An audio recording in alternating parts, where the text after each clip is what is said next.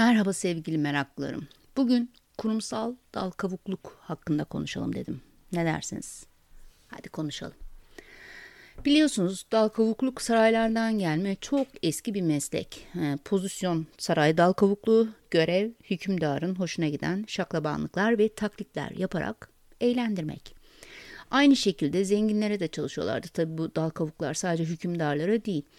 Ee, herhalde hükümdarlar savaşa falan gittiğinde ek gelir olsun diye zenginlere ek, ekstraya falan gidiyor olabilirler. Onları eğlendiriyorlar, kaprislerini çekiyorlar, eziyet verici şakalarına katlanıyorlardı değil mi? Biliyoruz birçok filmden de biliyoruz. Bakmayın dal kavukluk da o kadar kolay bir meslek değil. Hani tabii o zamanlar bir meslekmiş ee, ama günümüz toplum hayatında tam bir yaşam tarzı, hayat tarzı. E, meslek olarak kalsa belki sanki daha iyiydi. Bilmiyorum. Siz de aynı fikirdesiniz herhalde. E çünkü geçmişte toplumsal hayatı ve devlet e, idaresini o kadar etkilemiyordu ama günümüzde endişe verici boyuta ulaştı biliyorsunuz. Eskiden meslekmiş dedik ya hani dal kavuklar yaptıkları o iş karşılığında para alıyorlardı. Çoluk çocuk geçindiriyorlardı. Hani belli bir amaç vardı aslında değil mi? Karşılığında somut bir şey elde ediyorlardı. E peki şu anda günümüzde dal kavukların amacı ne olabilir sizce? Aslında amaca gelmeden günümüzde dal kavukluk kime yapılır diye sorsak belki amaca giden yolda bayağı bir cevaba da ulaşırız değil mi? Mesela günümüzde dal kavukluk kime yapılır?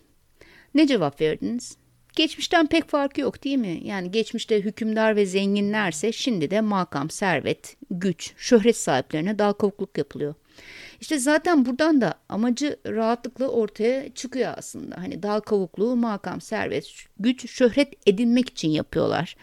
Yapmadan elde edilemez mi bunlar? E, elde edilir tabii yani. Bunun için uzun bir çaba, enerji, eğitim gibi hiç uğraşamayacakları şeyler geliyor içine değil mi? Bazılarımız maalesef uğraşmadan kısa yoldan e, bunlara ulaşmaya çalışıyoruz. Uğraşamazlar e, aslında çünkü o kapasiteleri az, o enerjiyi, güçlüğü kendilerinde bulamıyorlar ama kısa yoldan da bir şey elde etmek istiyorlar. Bu yüzden de bunu dal kavuklukla yapıyorlar. Gerçi onlara kısa yol gibi görünüyor ama gerçekten e, bunu yapmadan e, eğitimle ger- kendi yetenekleriyle, bilgisiyle, becerisiyle bir yerlere gelmiş insanlar için de dal kavukluk inanılmaz uzun bir yol herhalde değil mi? Yani yapması çok zor bir şey. Hani öyle onurlu duruş, bilgi becerisine güven, dürüst olmak gibi kaygıları yok dal kavukların. Tabii şimdi dal kavuklara ver yansın ediyoruz da şöyle düşünsenize yeterli eğitimi, bilgi becerisi olmayan, bulunduğu çevrede onun adına kararlar verilerek büyümüş birisi. Kendi başına bir birey olarak neyi nasıl yapacağını bilmeden yetişmiş bir insan düşünün. Sizce nasıl ayakta kalır bu insan? Daha önce nasıl sırtını bulunduğu çevresine, ailesine yasladıysa şimdi de güçlü olana yaslamak istiyor değil mi? Tek başına karar almakta zorlanıyor, kendi adına birileri karar versin istiyor. Onlar ne diyorsa onu yapsın istiyor. Birey olmakta zorlanıyor çünkü küçüklüğünden beri sürüden ayrılanı kurt kapar demişler. O zaman iş hayatında da kendine bir sürü ve bir sürü lideri lideri bulma ihtiyacı var değil mi bu tiplerin? Hep özgür irade gerçekten var mı yok mu diye e, çok sormuşumdur kendime hala da e, sorarım. Hala aldığım kararlarda acaba ne kadar toplumsal erdemlerden, yetiştirilme tarzımdan, eğitimimden, medyadan, değişken çevreden, şartlardan vesaire vesaireden ne kadar etkilenmiş olabilirim diye sorarım. Tüm bu koşulların hiçbirisi olmasa şu anda aldığım karar değişir miydi? Çok sık sorguladığım bir sorudur bu bana kendime. Ha etkilenmiyor muyum? Kesinlikle etkileniyorum. İnanıyorum ki hiçbir kararım bulunduğum koşullardan izole bir karar değil. Olamaz da zaten değil mi? O kararları almak zorunda olmama sebep olan e, şeyler zaten o koşullar. Ancak ne olursa olsun kararlarımın tamamını bir başkasına bırakmak, tamamen günün adamı olmakta ne bileyim varlığını, benliğini inkar etmek değil mi? Siz ne dersiniz?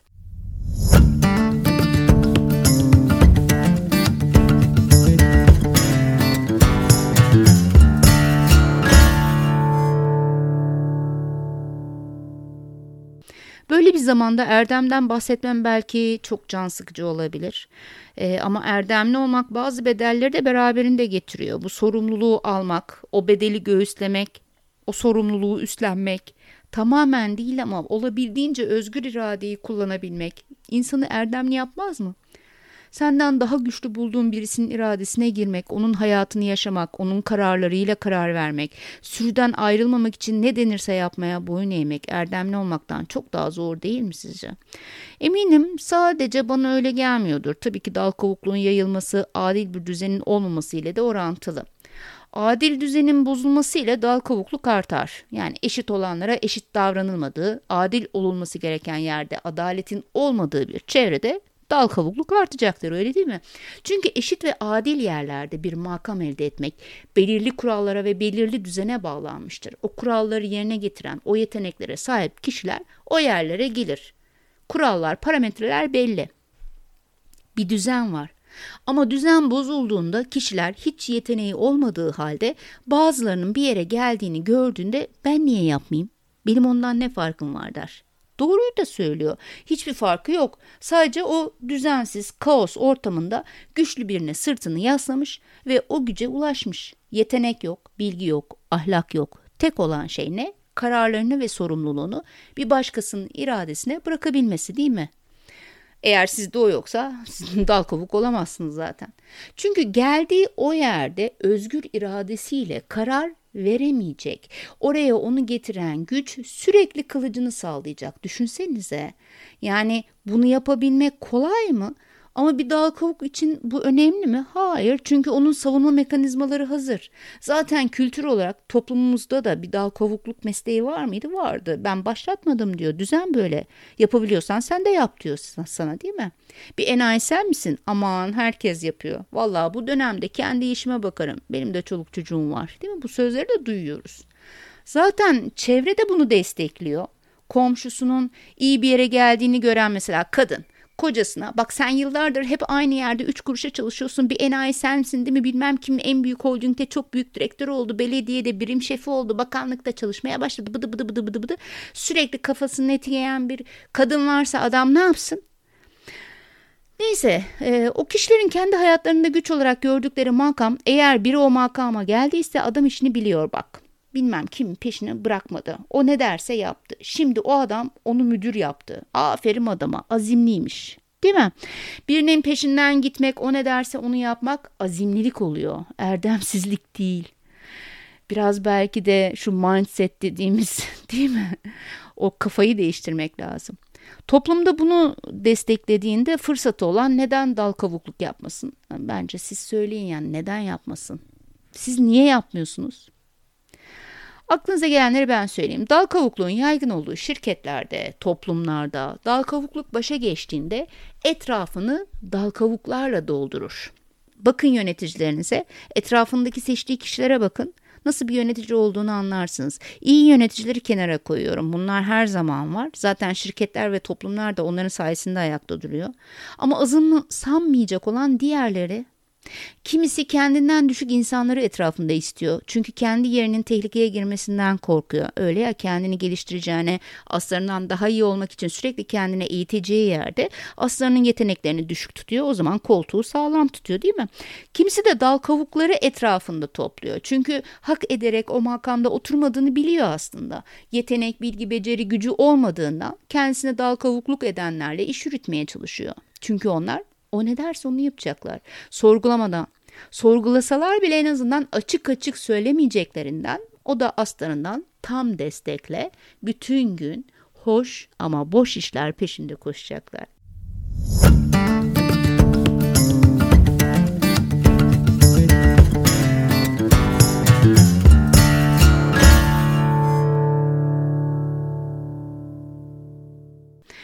Dal kavukların bir özelliği de kendilerine güvenmemeleri değil mi? O nedenle sırtlarını yaslayacak birine ihtiyaç duyuyorlar aslında. Yani kendine güvensizlik de aynı zamanda neyi getiriyor?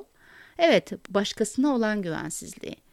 Bu durumda başkasına güvenmeyen bir dal kavuk bir makam nasıl yönetir arkadaşlar?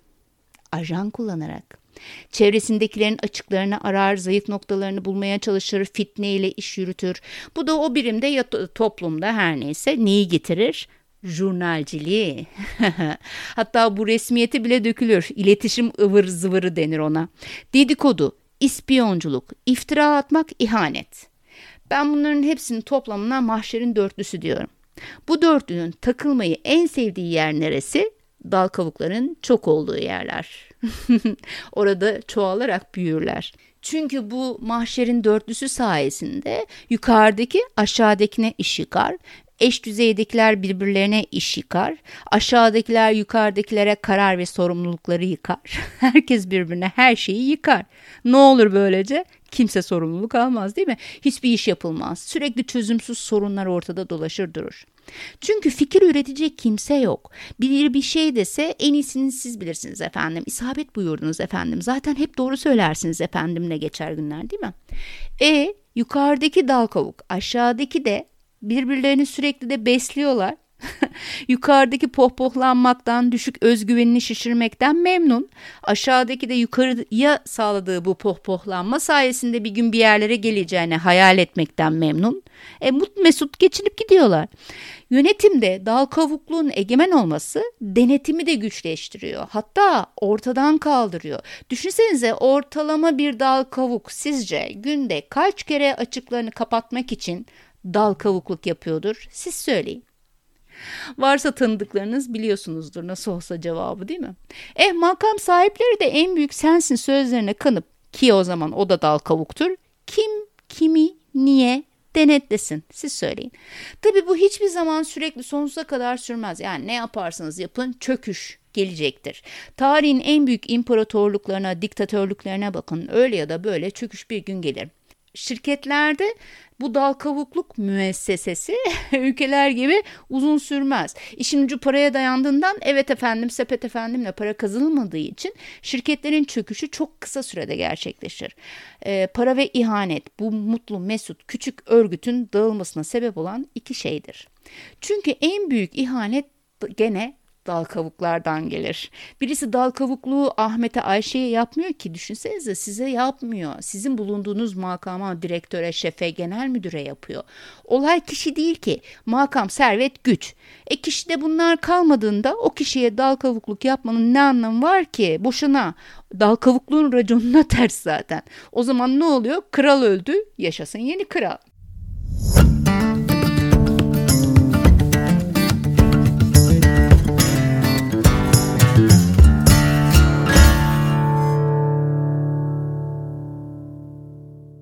Ha bu arada bu para mevzu biraz önce paradan bahsettim. Hani para ve ihanet dedim ya. Önemli tabii para konusu işin içine girdiğinde dal kavukluk özel ve kamu sektörü gibi şeyine ikiye ayrılıyor.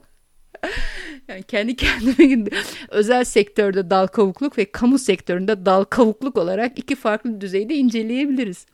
Özel sektörde dal kavukluk müessesesi sayı ve yoğunluk açısından kamu sektörüne göre daha az bence. Değil mi? Siz söyleyin. Çünkü üst yönetim bu dal kavukluk müessesesinin zarar vermeye başladığını gördüğü anda bu müesseseyi hemen yok ediyor. Özel sektörün varoluş amacı biliyorsunuz kar etmek. Yani işletmelerin amacı karlılık. Karlılığa zarar gelen davranışlar yok edilir. Ama kamuda bu böyle mi? Hayır. Kamunun birinci amacı karlılık değil ki. Kamunun birinci amacı ne? Hizmet etmek. Yani ortada batan bir kurum yok. Bu nedenle de hizmet adı altında dal kavukluk müessesesi oldukça geniş bir yer buluyor kendine. Özel sektörde dal kavuklarla asalaklardan oluşan dev bir sisteme dönüşmeden hemen müdahale ediliyor. Hele ki şirket zarar etmeye başlıyorsa ama kamuda bu düzen sürüyor hatta destekleniyor bile. E biz ne yapacağız bu durumda derseniz işimiz zor aslında değil mi? Öncelikle dal kavuk yapmadan yeteneklerimizi, bilgi ve becerimizi geliştireceğiz. Azmimizi bu yönümüze kullanacağız dal kavukluğa değil. Yani biz böyle durmaya çalışacağız. En azından biz bozulmayacağız. Şirketlerde bir şey yapmak elbette daha kolay hani ama bunun zor olanı toplumsal dal kavukluğu azaltmak elbette ki. Çünkü bu bir anlayış meselesi ve onu gerçekten ciddi eğitimle azaltmak gerekir. Şirketlerde yine İK'lara çok iş düşüyor. Adil bir düzenin kurulması çok önemli. Performans ölçütleri, kariyer uygulamaları sistematik, objektif ve net olmalı. Eğitim ve gelişim için çaba harcanmalı. Bir çalışanın yetenekleriyle kazanması desteklenmeli. Yetenekleri ön plana çıkarılmalı. Yöneticilerin kişisel gelişimleri desteklenmeli. Dal kavukluğa itibar etmeyecekleri bir anlayışı benimsemeleri için çaba sarf etmeli. E, toplumsal olarak yapacağımız şeye bakarsak çocuklarımız değil mi? Çocuklarımızı erdemli, özgür, öz iradelerine olabildiğince koruyabilecekleri sorumluluk sahibi bireyler olarak yetiştirmemiz lazım. Yani burada iş çok farklı bir boyutta aslında. E, şey bilirsiniz Montesquieu'nun bir lafı var. E, diyor ki bir ülkede dal kavukluğun sağladığı çıkar, dürüstlüğün sağladığı çıkardan daha verimli olursa o ülke batar. Batmamak için bireysel olarak yapabileceğimiz ne varsa yapmamız gerektiğini düşünüyorum. En azından ben böyle düşünüyorum. Siz ne düşünüyorsunuz? Görüşmek üzere. Hoşçakalın.